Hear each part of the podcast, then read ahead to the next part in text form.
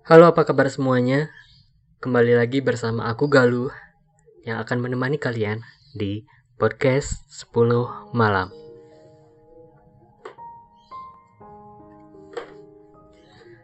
Sebelum aku mulai ke dalam pembahasan utama Aku mau berterima kasih nih kepada teman-teman yang sudah mendengarkan episode kemarin tentang ikuti kata hati.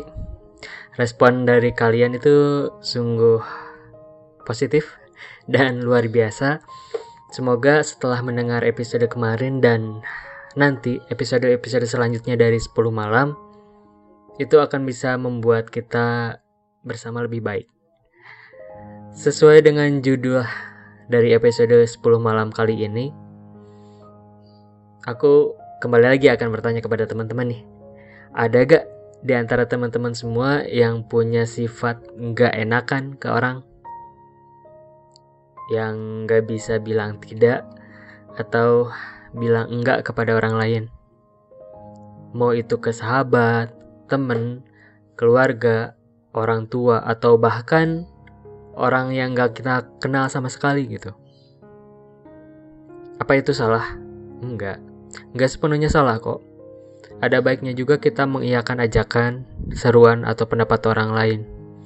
Ya artinya kita menjadi seseorang yang bisa menghargai orang lain dan secara tidak langsung itu merupakan kebiasaan dan sifat yang disukai oleh banyak orang gitu. Namun, tentunya apabila kita sering mengiyakan ajakan, seruan atau pendapat orang lain, akan menjadi bahaya juga buat kita. Buat diri kita. Istilahnya akan menjadi bumerang sendirilah untuk kita. Ya bagaimana enggak? Belum tentu apa yang orang lain serukan atau ajakan atau ya ajakan orang lain itu baik untuk kita. Atau malah yang lebih parah itu bisa membuat kita merugi. Ketika kita terlalu menghargai orang lain dalam tanda kutip untuk selalu mengatakan iya dan tidak bisa untuk mengatakan tidak, itu membuat pandangan orang kepada kita itu menjadi orang yang sangat bisa diajak kerjasama. itu itu baiknya. Tapi kalau buruknya lebih kejam nih. Orang-orang akan menganggap kita seseorang yang polos, mudah diintervensi, bahkan gampang untuk dibodoh-bodohi. Sebagai contoh, misalnya nih, eh, kamu sedang sekolah dan ada tugas untuk kerja kelompok dan dipresentasikan di depan kelas untuk besok hari. Satu kelompok isinya tiga orang atau tiga siswa. Dan kamu dipasangkan dengan dua orang yang cukup memiliki vokal di dalam kelas tersebut. Ya dalam artian cukup berpengaruh lah di dalam kelas. Karena kamu orangnya iya-iya aja atau ngikut-ngikut aja, jadi peran kamu di dalam kelompok tersebut seperti nggak ada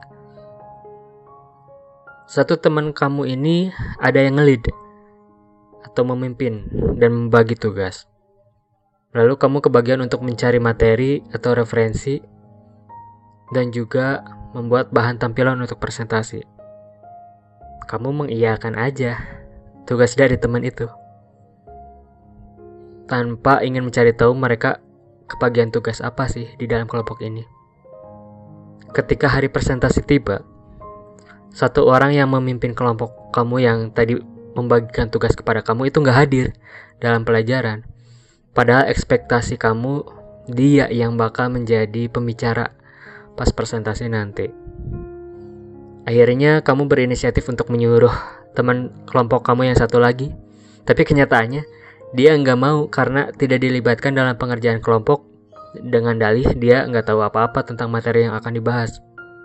Hingga ujung-ujungnya, kamu lagi yang ketiban batunya. Kamu mencari bahan, mengerjakan tampilan presentasi, dan kamu sendiri yang mempresentasikannya. Semua ini salah siapa? Ya, selain teman-teman kamu yang gak bisa diajak tadi, maksudnya gak bisa diajak kerjasama, hal mendasar yang salah itu berada di diri kamu sendiri, yang selalu bilang iya dan gak enakan sama orang lain. Maka dari itu dengan kasus yang aku ceritain barusan, aku mengajak kalian, yuk sama-sama untuk berani bilang tidak kepada orang lain. Jangan pernah menyiksa diri kamu sendiri dengan selalu mengatakan iya. Kamu terlalu menghargai orang lain sehingga kamu lupa bahwa diri kamu sendiri pun perlu dihargai. Mulai detik ini, terapkanlah mindset dalam diri kita bahwa tidak apa-apa untuk mengatakan tidak. It's okay to say no. Terima kasih kepada teman-teman semalam yang sudah mendengarkan. Jangan lupa follow akun dari 10 malam di Instagram atau Twitter at 10 malam underscore. Kalian bisa berdiskusi di sana dan barangkali ada hal yang ingin diceritain dan berkenan dibawakan di podcast ini, boleh banget. Atau kalian bisa menghubungi akun sosial pribadiku Galufujiawan. Sekian dari aku, sampai bertemu lagi di episode 10 malam selanjutnya. See you! Ciao.